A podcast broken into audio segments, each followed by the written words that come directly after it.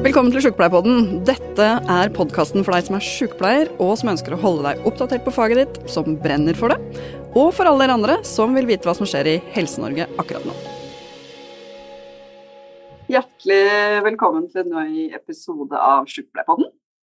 Nå er vi godt i gang igjen etter sommerferien. Vi håper alle har fått med seg forrige episode med fantastiske Elisabeth Hoff. Det var litt av ei dame, Lill. Ja, vi ble eh, inspirert, tenker jeg på det. Og du har brukt masse tid på å tenke på det i etterkant. Og, eh, hva er det som får folk til å brette opp ermene og gå inn i sånne typer situasjoner som du beskriver? Og ikke altså fight or freeze eller flight, vi har pratet om det. Hva er det som gjør at du alltid velger den her fight? At du på en måte bare går inn i situasjonene uansett. Mm. Ja, nei, virkelig. Uh veldig inspirerende. Jeg tenker sånn For ledere også så må det være mye å hente i å lytte til det Elisabeth forteller. Men vi skal ha en veldig inspirerende dame på besøk i dag òg, faktisk. En eh, dame som faktisk har sittet tolv år på Stortinget nå. Og jeg tenker vi kan si at uh, hun er en av de mest sentrale helsepolitikerne i Norge. Og så er det sånn at det begynner å nærme seg valg uh, om ikke veldig lenge, og ting tyder vel på at vi får et regjeringsskifte. Så da kan det vel også hende at vi får uh, ny helseministre. Ikke, ikke ministre i flertall, da, men helseminister. Uh, og Lill, vi bruker mye tid på å spekulere på hvem som skal få de nye ministerpostene, og som, uh, hvordan den nye regjeringa ser ut. Jeg påstår at vi bruker mye tid på det. jeg vil si fire-fem timer om dagen. Vi bruker mye mer tid på å få, få opp lønna og få belastninga ned, men, men, litt tid bruker vi til å diskutere statsrådposter igjen. Men uh, derfor så har vi uh, i dag uh, invitert Kjersti Toppe. Hjertelig velkommen, Kjersti. Jo, tusen takk. Får du, får du litt høy puls når vi sier at du kanskje er helseminister om, over en måned?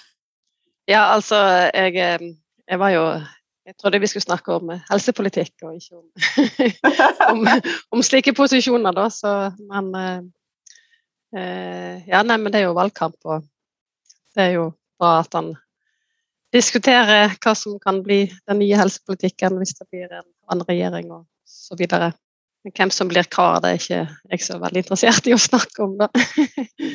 Så det får vi ta seinere. Ja. Men, eh, men, Kjersti, som jeg sa innledningsvis, har du faktisk sittet på Stortinget i tolv år nå?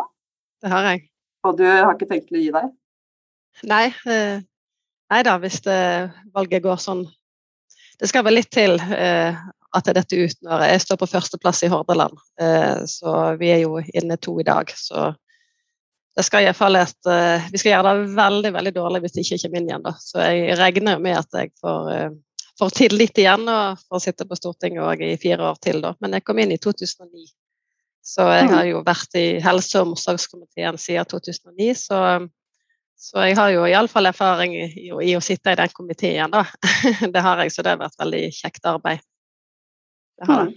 Du har alltid, eh, Kjersti, jeg setter veldig stor pris på deg i, de, i, i komiteen. Og du har alltid veldig godt forberedte spørsmål. Eh, hver eneste gang vi har vært på høringer, så kommer du med veldig godt forberedte spørsmål, så vi skjønner at du Det er ikke noe du har satt deg ned med sånn tre minutter før du skulle inn i høringa, det her kan du. Det er selvfølgelig gjennom tolv år, men, eh, men, eh, men, men, det setter vi veldig stor pris på. Som, som Vi har jo arbeidet med høringen vår, så, så, det å få mm. gode spørsmål som gir oss muligheten til å utdype hvorfor det er nødvendig med de eventuelle endringene, mm. setter stor mm. pris på. Ja, da, i li, li, like måte. Jeg har jo lært uh, veldig masse av uh, altså Høringer og sånne ting som vi har på Stortinget i forbindelse med sak, der vi ja, organisasjoner som kan melde seg, og da er jo Sykepleierforbundet er jo stort sett alltid, alltid til stede. Eh, så det er jo en eh, måte for oss å, å lære på, ikke sant? å få informasjon og, og kunnskap. Så, eh, så, det er jo en Ja, har jo vært enormt nyttig i, i det arbeidet, da. Det har det. Mm. Men du, det er jo ikke alle det er jo ikke nødvendigvis sånn at man sitter i en komité som man har bakgrunn fra, men du har jo bakgrunn fra helsefeltet, Kjersti, er utdanna lege? Ja, jeg er, jeg er mm. utdanna lege. Jeg har ikke jobba så masse som lege, eh, men jeg har jobba litt. Men eh, det er lenge siden nå, da, men jeg har jo den utdannelsen. Men det er jo litt sånn pussig på Stortinget, fordi det er faktisk sånn at det å sitte i helsekomiteen ikke nødvendigvis det som det er mest kamp om. Ja, mm. det burde det jo ikke være, men sånn er det faktisk. Det er liksom det å sitte i samferdselskomiteen er liksom det som alle vil inn i omtrent. For det, det, det Ja, men sant, en er jo valgt fra et distrikt, og du er jo bruer og veier og sånt. Det er jo alltid veldig masse engasjement rundt det. Næringskomiteen òg er jo er jo mange som vil inn i. Så, så, helsekomiteen er ikke sånn at det er en sånn kjempestort eh, krangel eller hvem som skal få sitte der. Så, eh, men jeg ønsker jo meg eh, dertil og eh, har jo fått lov å, å sitte der. Og jeg sier, jeg sier, ikke at det er at du må ha en helsebakgrunn for å, å sitte der, men jeg tenker at det er noe ingen ulempe i alle fall at du har en helsebakgrunn. Så ja. Definitivt ikke noe ulempe. Eh, og det bør eh, også vektlegges. Jeg syns jo det er litt synd det du beskriver, men jeg kjenner det jo igjen. Jeg snakka med, med, en som, eh, som var politi. Jobba som politi tidligere. og var da blitt leder lokalt for en, altså i kommunen i en helsekomité der. Og han opplevde det som en sånn devaluering ja. Ja. å bli satt til helse. Altså Hva er det når man tenker på hvor viktig helsa er for oss som folk, men også mm. helsetjenestene er for både hvor du kan bo hen, og um, for hvordan du skal kunne drive næringsliv. Altså det, det har betydning. Vi sier jo det at um, kollapser helsetjenestene, så kollapser alt. Så det er utrolig rart at det ikke um, er verdsatt mer også innenfor politikken. sånn sett. Ja, jeg, I går så hørte jeg på noen valgforskere som hadde sett på valgene tilbake 40 år i tid, eller noe sånt, som sier at den saken som folk er mest opptatt av, som er nummer én eller to eh, hvert eneste valg eh, 40 år tilbake i tid, det er helse. Mm. Og så kommer natur og klima. Mm. Og da er det jo rart at liksom velgerne er så opptatt av helse, men politikerne kanskje snakker såpass lite om det, eller eh, at ikke helsekomiteen skulle vært den komiteen man skulle slåss om å sitte i da. Mm. Ja, nei, jeg er helt enig. Jeg syns det er et uh, stort uh, paradoks, og egentlig ganske irriterende. jeg pleier å oppdra på en måte, i fall alle i Senterpartiet til å fortelle dem at, at dette er den viktigste komiteen, pluss at det er jo en god del helsepolitikk i de andre komiteene også, da. Ikke sant? At egentlig så dreier alt seg om helse, pleier jeg å si. Sant? I samferdsel sant? så har du jo gang- og sykkelveier og folkehelse, og du har eh, familie og kultur, sant? veldig masse folkehelse der, og utdanningskomiteen. Sant? Så det, det, er noe med og, og selvfølgelig store med fordeling, skatt og avgift. Sant? Det handler jo om fordeling.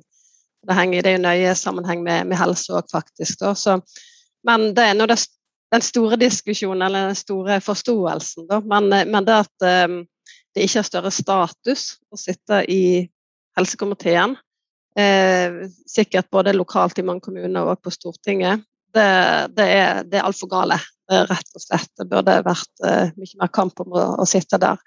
Så jeg får bare håpe at det kan bedre seg da, eh, med tid og stunder. Og faktisk så er det slik at uh, både utdanning og helsekomiteen så har det jo vært de komiteene på Stortinget som har hatt kvinneoverskudd, og en del andre komiteer så er det mannsoverskudd. Så du har jo den biten oppi dette her òg, dessverre. ikke sant? Så så vi må få inn flere menn i helsekomiteen for å få det opp statusen. det skal jeg ikke si. Nei, men det er utrolig interessant. Det er jo virkelig Altså, vi er jo en sektor som uh, har veldig mange kvinner ansatt, da, selvfølgelig. Så at kvinner er opptatt av det, er jo kanskje ikke så rart. Men ja, det, det, var en spennende refleksjon. fra sånt ja, det var mine, Jeg har ikke noe veldig forskningsbelegg for dette, her, da, men det er iallfall uh, mine, mine tanker rundt det. Og det, det er jo iallfall slik at uh, det er, har iallfall i mange år vært uh, mer kvinner i utdanning og i helse, mens i de fleste andre så er det et stort uh, overskudd av menn. Og det er jo flest menn på Stortinget også, at det, at det blir litt skeivt i komiteene er jo er jo sånn, men det blir skeivdelt ut ifra det igjen, da. Så sånn er det også.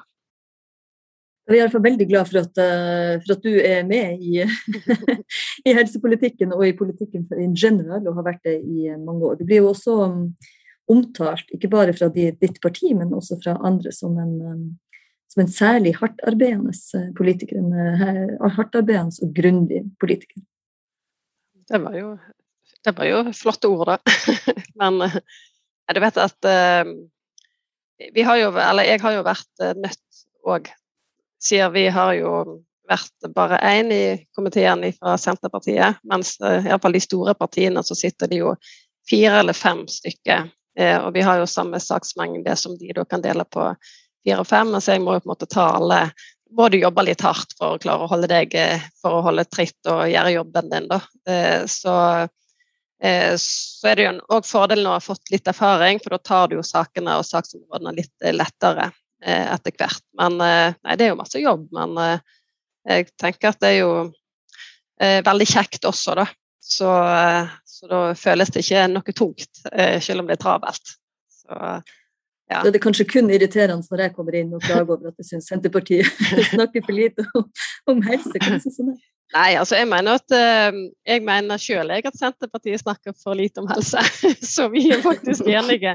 Fordi at jeg, altså jeg snakker jo masse om helse, ikke sant? selvsagt gjør jeg det og prøver å kjempe på å få fram saker og alt dette her. Men, eh, men eh, det, det, er jo klart at det betyr noe hva resten av partiet gjør, og hva en eh, velger å profilere som parti av de store sakene. ikke sant? Og da var det jo lett for at en lande ned på de vanlige sakene, og at helsesakene liksom, jo, de er viktige. Det er stor for, altså forståelse for at eh, alle i partiet syns det er viktig. Men så må vi liksom profilere kjernesakene våre. Så da er jo kanskje Da blir det veldig sånn Ja, for oss blir det distrikt, ikke sant. Og så eh, er det jo òg eh, Der er jo òg helsepolitikk. Men, eh, men eh, jeg mener at Senterpartiet har masse å gå på på å profilere enda mer eh, helsepolitikk som, som parti. Da. Så, så jeg, er ikke, jeg, er ikke, uenig. Det er bare en ganske sånn, eh, sånn snill eh, måte å si ting på til oss. Da. Så, så det går helt fint. Men hva, hvis du skulle oppsummert liksom, hva som er de viktigste eh, tingene for Senterpartiet å oppnå på helsefeltet, Kjersti, hva, hva tenker du at det er? Altså det, det, er jo helsepolitikk er jo enormt masse. ikke sant? Så, så jeg, jeg syns faktisk det er litt vanskelig å oppsummere hva som er det aller, aller viktigste. Når jeg prøver på det, så blir det veldig langt uansett, men jeg skal prøve å gjøre det kort. Eh, Nei, vi har god tid. Dere har god tid, ja.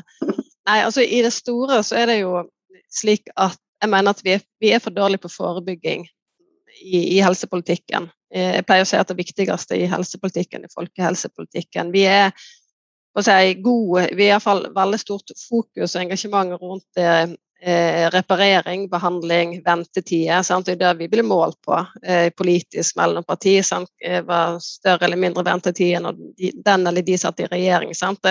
Vi blir målt på reparering og behandling.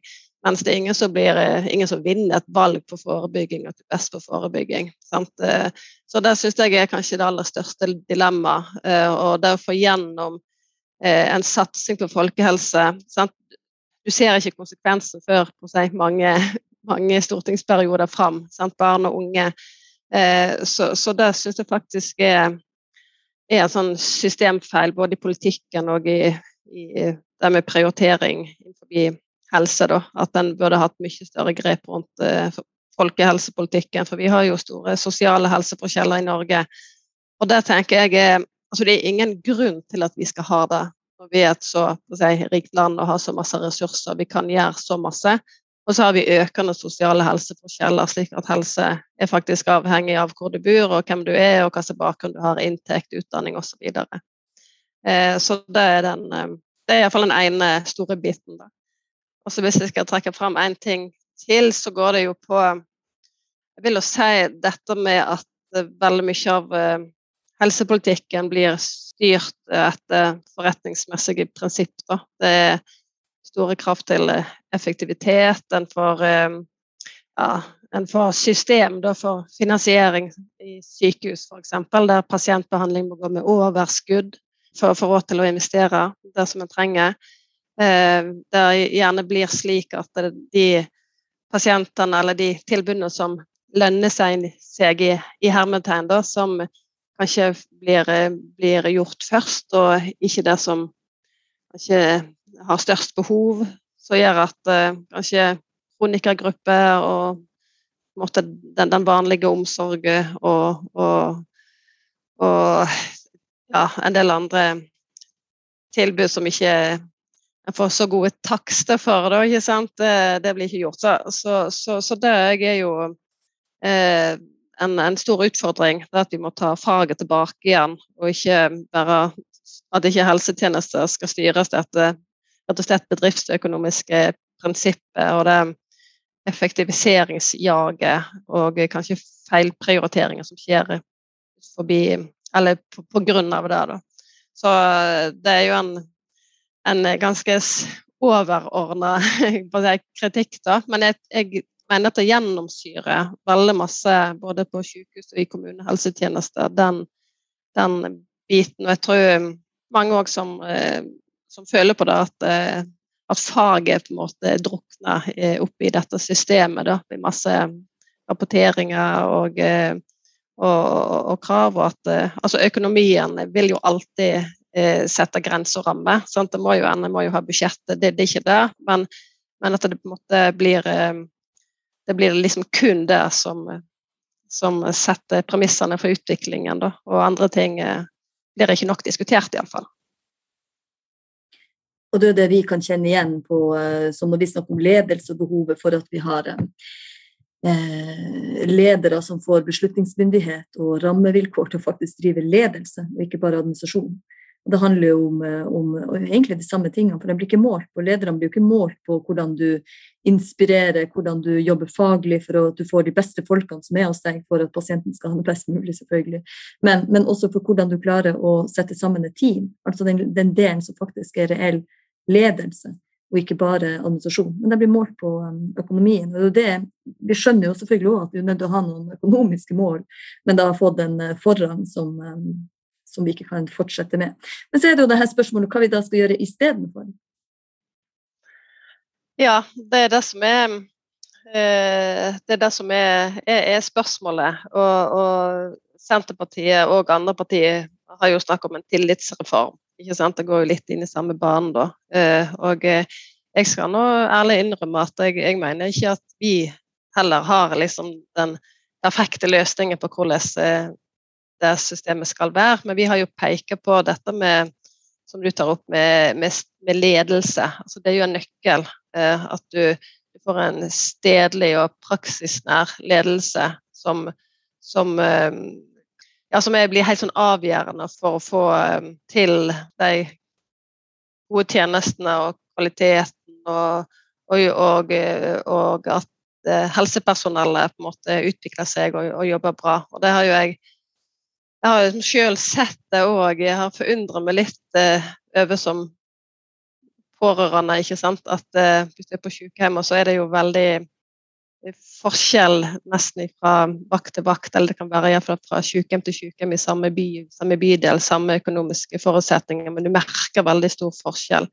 Eh, så det med å, å eh, ha satt så mye på, på ledelse, lokalledelse og at uh, sykepleiere og andre òg får uh, ramme til å ja, utdanne seg og, i, i, ledelse, og at det faktisk blir prioritert, er jo én ting som jeg tror er viktig. Når det gjelder sykehus, så, så er jo Senterpartiet imot den helseforetaksmodellen, da, som vi mener er, har et altfor stort fokus på nettopp denne bedriftsøkonomiske måten å, å tenke helse på. Da.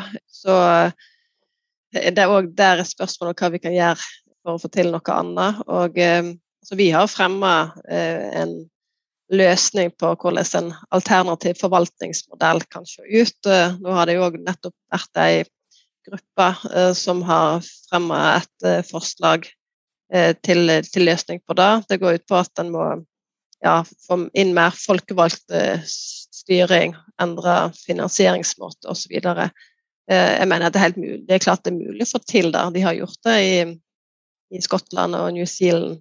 De hadde jo foretaksmodell der. Så hvis det er politisk vilje, så er det klart at det det er mulig å få til. Det er ikke sånn at det er sånn hokus pokus med helsetjenestene. Når du når du driver skolen på en annen måte. Det er vel ikke den store forskjellen, tenker jeg. da. At akkurat helse, så må du ha hel en helseforetaksmodell. Du, du, snakker jo veldig varmt om det forebyggingsperspektivet, Kjersti, og det har jo du vært opptatt av så lenge du har vært politiker, tror jeg. Når du gjorde et Google-søk på deg, så ser du at det har du vært ute og snakka mye om. og det er faktisk så mye at Sylvi Listhaug har jo ironisert over alt, alt du vil forby. Mm. Men hva tenker du at hvordan vil vi klare å liksom snu ressursene? Da? For det er jo det man kanskje må til. At vi må legge inn mer ressurser på det forebyggingssporet. Hvordan, hvordan vil du merke at Senterpartiet eventuelt kommer i regjering, hvis dere får være med å bestemme over det? Mm. Nei, så jeg tenker jo at vi, vi skal jo ikke ta penger fra eh, behandling og tjenestene. ikke sant? Og tenker at det må en, en vri i i den store prioriteringsdebatten da, når vi tenker skatt og, og, og avgifter og sånne ting, så vi får eh, bruke mer på, på forebygging. Eh, men eh, en kan jo merke det med helt konkret at en vil innføre et eh, skolemåltid for alle. Ikke sant? Alle elever og fysisk aktivitet i, i, skolen og sånne helt konkrete ting. Da. Så, så det vi hadde jo gratis frukt og grønt i skolen helt til denne regjeringen som vi nå fikk makta i 2013, og så ble det tatt bort. Eh, sant? Jeg tenker at det var et, eh, en ordning som var veldig populær, og det var på ungdomsskolen eh, og kombinerte skoler. Det er jo, jeg tror jeg, en aldersgruppe der mange begynner å slurve med å spise skolematen sin, eller gidder ikke ta med, eller det er òg mange barn som ikke, ikke får med seg skolemat hjemmefra. Ikke sant? Det, det er ulike bakgrunner. Så det er iallfall en ting som en raskt kan få på plass, tenker jeg, som er viktig. Mm. Du, Silje, hatt uh, dine barn de mener bare nettopp begynt på skolen, sant? Mm. Så de har ikke hatt skolemat på, uh, på, skolen. Det har nemlig mine barn hatt. Oh, ja. Vet du, Kjersti, de var ikke veldig happy med det. Eh, verken dem eller lærerne. det er noe med at her ble ungene de heiv denne skolematen rundt omkring. Ofte var det litt sånn halvdårlig skolemat, som, nei, skolefrukt som, um, som, uh, som, kom. Og så var det jo at lærerne hadde jo ikke fått noe. Det kjenner vi jo igjen som sykepleiere, at det blir gjerne pålagt en arbeidsoppgave til som i utgangspunktet er bra. Men det kommer ikke med noen ressurser. Her hadde ikke lærerne fått noe mer ressurser, men skulle de i tillegg drive på med den skolefrukten. Mm. Sånn at alle nye pålegg som kommer, må, må ha noen ressurser som følger med. Ellers må man ta bort noe annet. Mm. Det, er jo skolemat, eh, eller skolefruktordning nå, kan du si. Eh, forskjellen er bare at det er jo jeg som foreldre som må betale det. Det er klart at da er det jo mange barn eh, som ikke får den skolefrukten. Mm. Det, så dette har jo helsesykepleiergruppa også vært opptatt av. nettopp i sånn sosial utjevning og, og helseperspektiv. Da. Det er jo, det er jo litt rart. Altså, Sverige for eksempel, har en helt annen tradisjon for dette med skolemat enn, en det vi har. De har jo hatt det i uh, årevis. Mm. det er en spennende diskusjon. Mm. Det er det. Men det er at det må, at, at man må følge ressurser med til uh, lærerne, det, det, vet jeg er en kritikk som, som, som var. Eh, så det må jo vi sørge for at, ikke, at ikke det skjer på en sånn måte som, som gjør at den, de som jobber der, Eh, får noen oppgaver som, sier, som, eh, som, ikke blir eh, finansiert, eller at de må ta det på andre ting. Så ja. Hmm. Men forebygging er jo noe som vi også er opptatt av. Vi, vi arbeider jo bl.a. for et kompetansesenter for, for helsestasjon og skolehelsetjenesten og oppfølging av, av gravide. Altså det det å kunne samle det kunnskapsfeltet som er nettopp på forebyggende helse, forebyggende psykisk uhelse, også.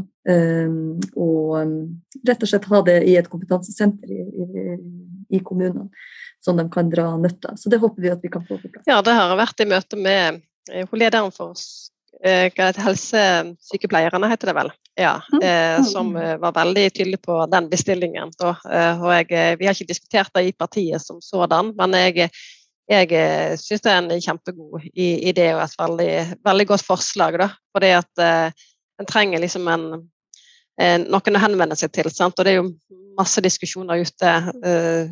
Og hvis du da hadde hatt et sånt kompetansesenter, så kunne du ha styrka kvaliteten og trygge tjenestene der ute. Uh, så Så det er iallfall et forslag som jeg skal love å jobbe for, da, hvis jeg kan si det sånn. Så uten at jeg kan garantere det. Men jeg, jeg følger dere veldig på at det hadde virkelig vært et, et godt tilbud å få på plass. Fint. For det er jo noe det vi snakker om. Eh, hvordan skal vi klare å ivareta helsetjenestene om eh, 10 og 15 år ut ifra de demografiske endringene som vi ser, og det med at vi mangler de sykepleierne de helsefagarbeiderne allerede i dag. Eh, så snakker vi om hvordan vi skal bruke teknologi eventuelt for å frigi kapasitet eh, til helsepersonell. Det at vi må lønne dem sånn at de blir værende eh, i yrket, og selvfølgelig utdanne noen flere enn det vi klarer å få til nå. Men det vi ikke snakker så ofte om, Silje, og det har jo vi også internt i NSF snakket om, hvordan får vi frem nettopp det forebyggende delen ut av det, sånn at færre skal trenge helsehjelp. Det er jo også en del av det, sånn at vi ikke skal trenge 28 000 sykepleiere om kun 14 år. Det får vi ikke tak i. Så forebygging er jo en vesentlig del. Men det er akkurat det der at det, mm -hmm. Forebygging er jo noe som skjer for noe du skal Vi er jo gjerne sånn her og nå-mennesker. Så det å gjøre valg for det som skal skje om 15 år, er jo vanskelig for oss som folk. Eh, jeg satt akkurat og spiste en sjokolade, det ble jo kanskje ikke gjort, men eh, ut ifra sånn helseperspektiv.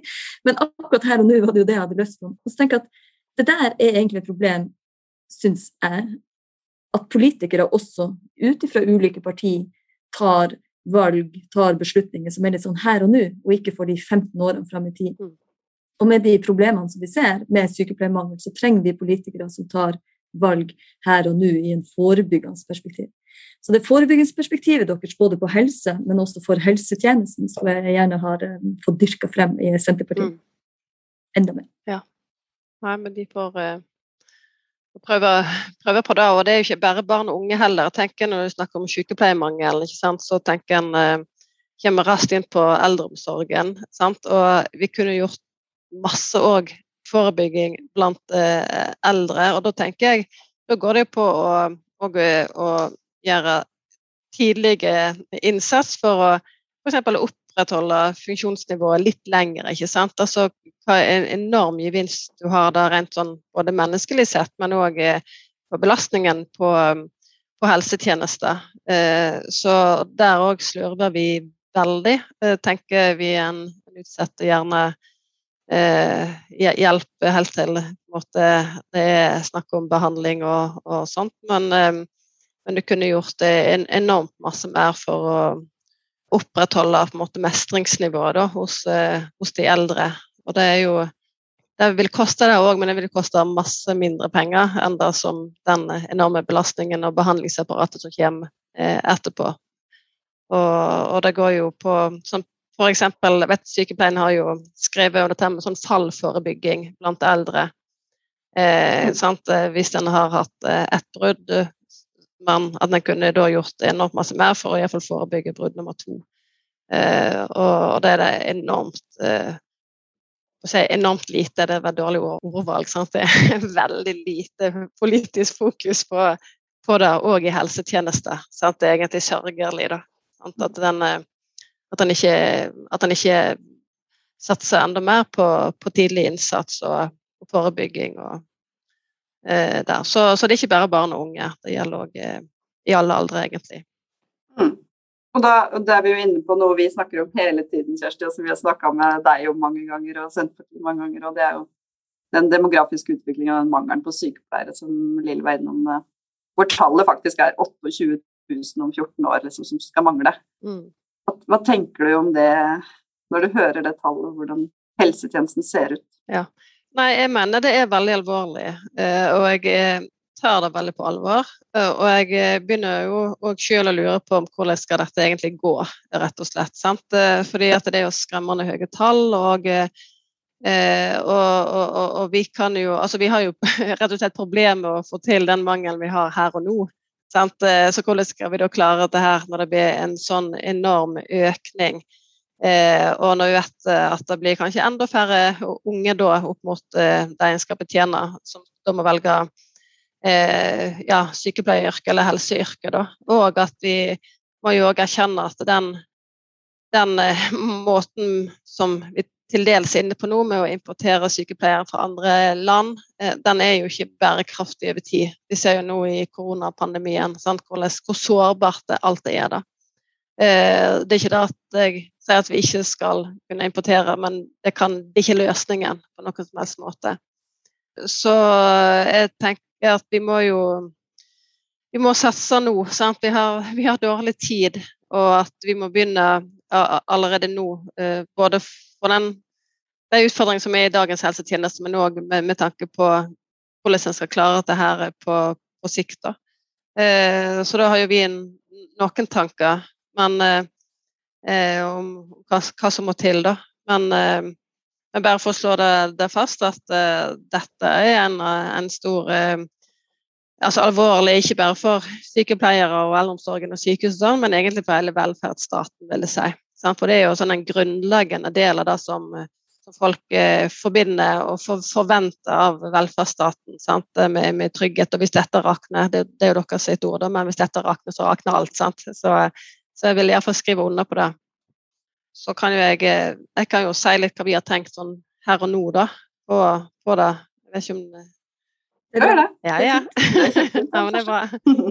Eh, nei, altså, vi, vi, har jo òg fremmet forslag i Stortinget på eh, at eh, dette med økt grunnbemanning og, og, det er jo sånn som er veldig lett å si for veldig mange. Men jeg tror at det er faktisk veldig viktig. fordi at En ting er jo at de må rekruttere flere inn, men min største bekymring er jo at så mange av sykepleierne slutter i arbeidet sitt.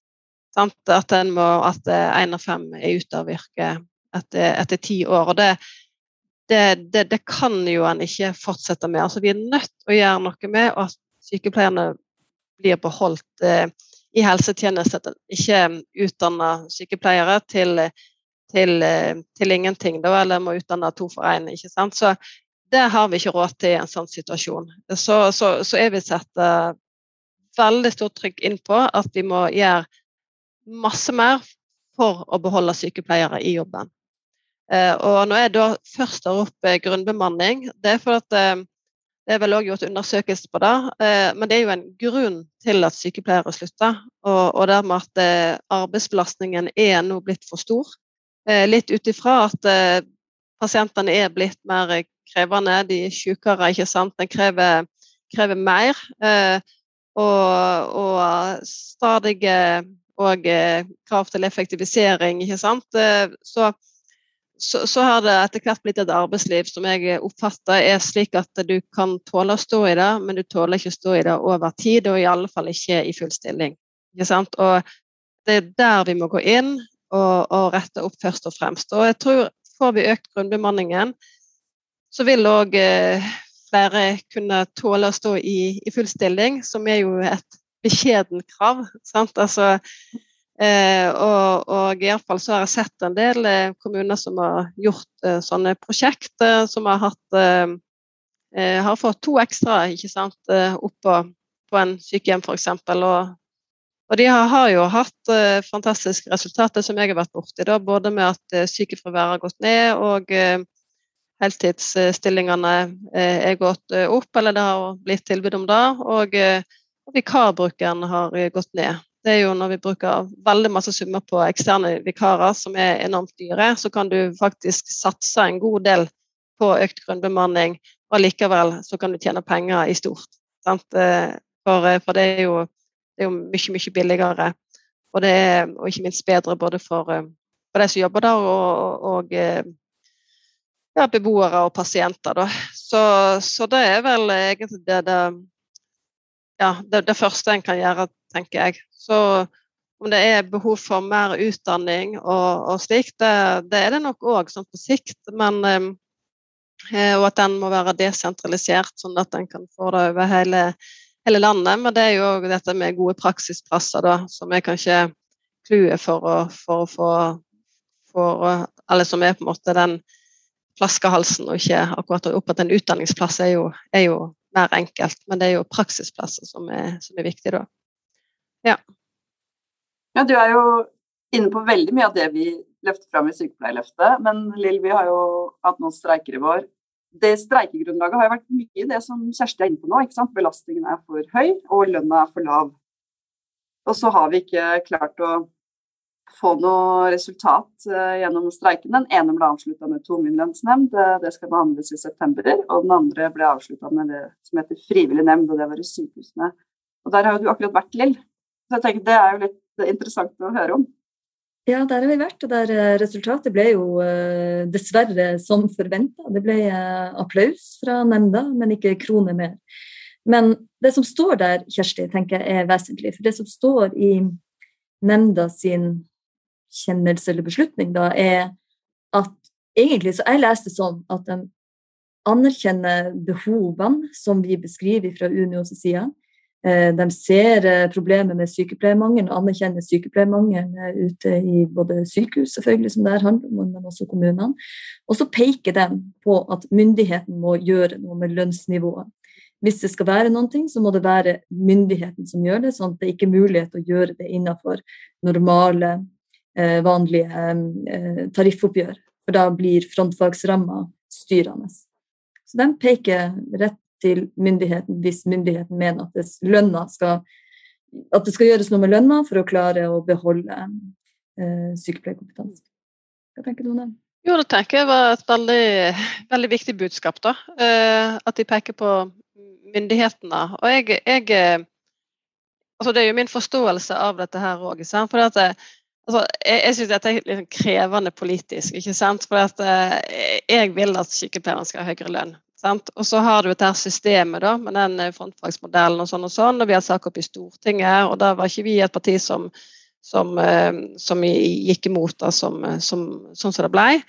Og så kan Eh, så har jo vi fått kritikk eh, for, for det fra sykepleierne, da. Men det er jo på en måte det prinsipielle systemet som, som, er, da, med at dette er en sak som ikke Stortinget skal blande seg inn i sånn sett. Da. Eh, men så er det jo ikke så enkelt allikevel. sant? Sånn som de sier nå, de peker på at dersom vi vil heve lønnen til sykepleierne, så må så vil en ikke få det til i den modellen som er nå. Sant? Og det har jo egentlig mm. Stortinget òg sagt, siden vi ikke grep inn. Sant? Dette er en modell som må liksom gå, gå, gå sin gang. Eh, og så har jo Senterpartiet et eh, punkt i vårt partiprogram at vi ønsker et eh, likelønnsløft. Og det har jo vært eh, ikke første gangen det har vært oppe. Eh, vi har jo hatt, For noen år siden så var det en sånn likelønnspott eller sånn, sånn så det har vært oppe. Mm. Men altså, jeg, jeg tolker det punktet mer som en sånn viljeserklæring jeg da, til å, at faktisk dette er noe som myndighetene må se på. fordi altså en, Et likelønnsløft det, ikke, det, står ikke noe mer om det i vårt program, ikke sant? så jeg vet heller ikke akkurat hvordan det skal skje. og Jeg har spurt uh, vår mann i, i arbeid sosial, Per Olof Lundteigen, men hva, hvordan skal det da vi tas videre når vi, når vi på den andre sida òg støtter frontfagsmodellen. ikke sant? Så her er det jo noe. Men jeg Eh, og det som ja, jeg og det som Per Olaf Lundteigen sa, da, at det er jo dette må jo på en måte en gå videre og, og, finne en måte å gjøre det på, men at det er en, en vilje til å kunne se på, på, en, eh, på de yrkene. Da. Det gjelder ikke bare sykepleierne, men det gjelder jo mange ja, typiske kvinnedominerte yrker der det, en ikke får lik lønn for likt arbeid. Eh, så jeg kan ikke si annet enn at ja, vi har gjort det vi har gjort, og det vet Sykepleierforbundet veldig godt om i forhold til det som skjedde med streiken og sånn, men eh, at det er en eh, vilje hos eh, Senterpartiet til å gå inn og se hvordan vi kan klare å løfte dette gjennom at myndighetene tar det ansvaret som òg du nå sier, en peker på det. Mm. Nei, det er jo sånn vi også ser det. Det er derfor vi er nødt til å se på en praktisering eller en revidering av frontfagsmodellen. Og så er jo ikke vi heller, vi mener jo ikke at frontfagsmodellen eh, skal kastes og skrotes. og at den ikke har, Vi er jo helt enige at den har ført mye godt til, til eh, hele landets befolkning som sådan. Men det løser ikke de problemene vi har per nå. Og det ser vi jo sånn som her i Danmark, og som, som nylig har avslutta en 69 dagers lang streik for Sykepleierforbundet i Danmark. Eh, og hun varsler jo, eh, lederen der hun varsler allerede at neste år blir enda tøffere. Altså, for at det, det, det, går ikke an. Man kan ikke fortsette sånn her. Man er nødt til å finne en måte sånn at man nettopp klarer å beholde. Og lønn er i alle andre yrker er jo lønn av betydning for å klare både å beholde og rekruttere arbeidskraft, og det gjelder selvfølgelig også oss. Ja. Eh, men det er jo flere ting enn lønn, og det er jo det du er inne på også, Kjersti. At det er selvfølgelig flere ting enn det. Og belastninga Det er derfor vi bruker å si det. altså Lønna må opp, og belastninga må ned. Um, du sa det økt grunnbemanning, og det bruker egentlig jeg også å si. Men Mette Nord i Fagforbundet hun, hun, hun, vil ikke at vi skal si økt grunnbemanning, hun snakker om riktig bemanning. Og Da er vi inne på det med oppgavedeling, tenker jeg, som er viktig. Vi ønsker jo selvfølgelig at det skal være langt flere helsefagarbeidere også som, som gjør uh, viktige oppgaver og har selvstendig ansvar på mange vis i årene fremover. Det er vi helt avhengig av. Og Det er derfor vi prater om det med bemanningsnorm en, en, slags form for normering, at det ikke bare blir en sånn økt bemanning. Men vi vet ikke helt hvordan kompetanse det skal være, vi vet ikke helt hvordan pasientene sine behov er. Vi er nødt til å få gjort en ordentlig vurdering av pasientbehov og normering av bemanning ut fra dem. Ja, vi har jo, I Senterpartiet så har vi vært eh, et parti som har vært litt skeptisk da, til bemanningsnormer i, i kommunal sektor. Eh, for, fordi at eh, ja, det strider jo med, med, med, det ansvaret som et kommunestyre har og når, eh, til å selv vurdere hvor det trengs mest osv. Så, videre. så det er jo sånn det er. Men nå er det jo en situasjon der det er kommet bemanningsnorm i barnehager, det er på skole, ikke sant, så står egentlig helse igjen. Og det er klart at det er jo et, veldig stort dilemma, for da er det jo på en måte på alle andre sektorer. Da risikerer jo at helse blir taperen, fordi at alle andre områder er, er bunnen opp da, eh, på en helt annen måte. Eh, så det som Senterpartiet har eh, stemt for i, i, Stortinget, det er jo at vi vil ha en opptrapping av bemanning i eldreomsorgen. En opptrappingsplan for bemanning. Vi bruker ikke ordet akkurat bemanningsnorm, eh, men vi, vi, vi, peker jo på, på det. Og så får en da eh, finne ut Jeg vet at Arbeiderpartiet har vel vært inne på den samme formuleringen, da.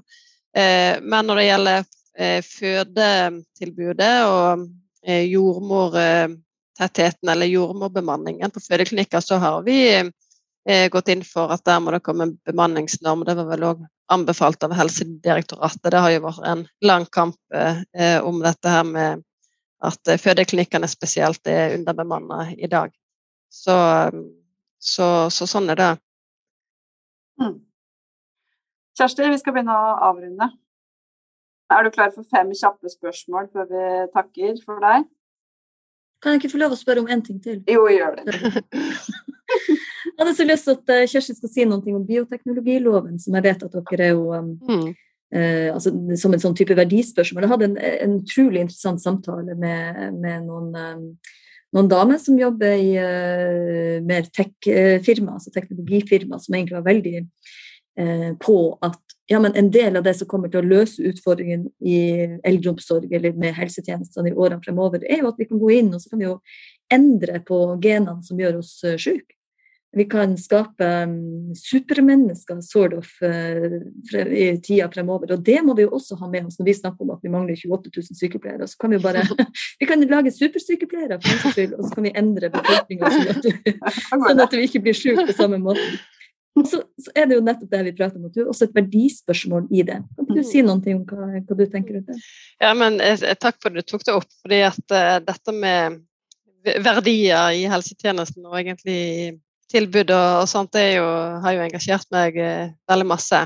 Uh, og ja, så, Vi har jo hatt en runde i Stortinget nå både med dette med eggdonasjon og assistert befruktning til enslige tidlig ultralyd for alle friske gravide og den NIPT-testen.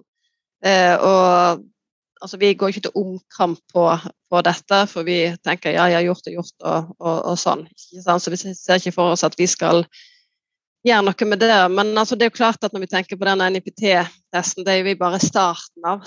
Det, jo, det har jo vel Stortinget vist til.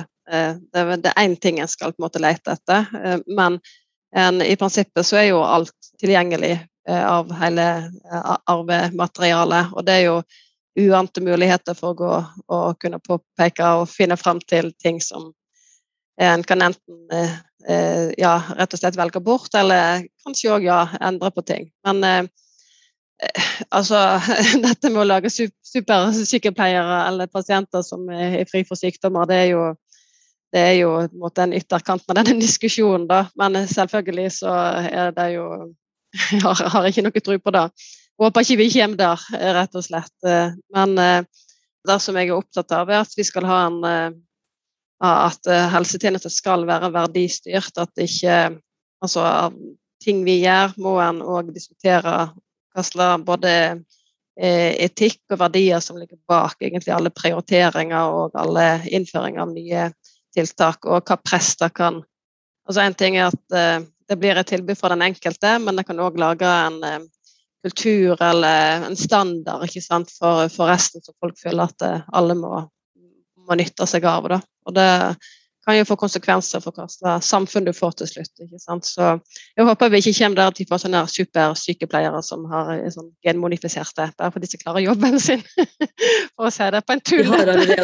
Ja, det er masse supersykepleiere, det er helt sant. Jeg skulle tro de var genmodifiserte. det er sant.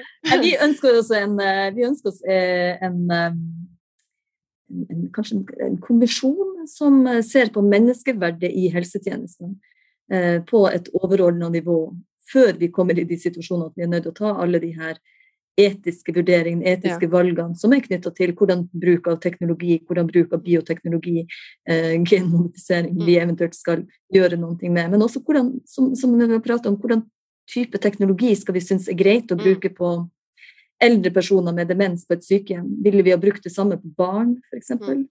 Eh, så den der diskusjonen syns jeg bare er liksom sånn Den svever litt innimellom. Mm. Men det å løfte det opp og gjort det på en ordentlig måte altså En eh, menneskeverd i helsetjenesten trengs å diskutere. Ja, det er jeg helt enig i. Og vi fikk jo altså, Vi var jo litt borti det. Eh, og altså under koronapandemien, sant, når en stengte ned og når det ble så langvarig, dette med at det var mange som måtte dø alene ikke sant, eh, pga. smitte altså, og, Ja, jeg har en dårlig følelse for at det gjorde vi egentlig uten å ta den debatten, da. Sant? Altså sånn, jeg kan mm. akseptere at det kanskje måtte til i en nødsituasjon, ikke sant. Eh, det mange forhold tar, men at vi ikke diskuterte det mer i hele tatt. Det var nesten som du bare stengte en butikk. Sant? Og så stengte du det. Men det hadde jo helt andre konsekvenser som var jeg syns det er dypt problematiske. Eh, så, så, det viser jo at eh, eh denne verdidebatten i, i, helse, den, eh, den, må vi få opp. Og det håper jo jeg på at vi kan samarbeide om. det. Uansett hvordan som kommer valget, for å si det sånn. Kjempeviktig. Det gleder vi oss til. Silje, du hadde fem, eh, fem kjappe. Nei, nå tror jeg det ble Jo, OK, da. Har du ti, Kjersti? Nå begynner tida å gå ut. Ja, jeg har ti. Hvis det er fem kjappe, så skal det bare gå. ja. ja, det er kjempe, det er kjempekjappe. OK. Er de regionale helseforetakene vedtatt avvikla før 2025? Eh, ja. Ja. Hva hører du på når du kjører bil? Eh, hva det heter det? Sånn her sånn, sånn retro musikk fra 60- og 70-tallet. Pinlig. Gammel i hodet. Er det Elvis? Ja, er det den Elvis? typen ting. Men altså, det er blitt moderne igjen, ikke sant? Liksom sånn at Ungene mine syns det er kul musikk. Ja. Er, hva heter det, ni, sånn, det er NRK 9 retro. Ja. Så gale. OK. Eh, koke kaffe eller kaffelatte? Eh, kaffelatte. Hvem er Stortingets hyggeligste politiker? Eh, Nicholas Wilkinson, som vi sitter i helsekomiteen med. Han er kjempehyggelig. Ja. det er veldig hyggelig. Ja. Har du kjørt elsparkesykkel i Oslo? Nei. Eh, det hadde vært en tragedie. Jeg har så dårlig balanse. Altså, det er liksom forebygging blant eldre. Ikke gjør sånne ting. Tusen takk, Kjersti. Takk for det. Da da tror jeg vi takker for at dere lytta til Sykepleierpodden i dag. Og neste uke så får vi besøk av uh, Ingvild Kjerkol. Takk for nå.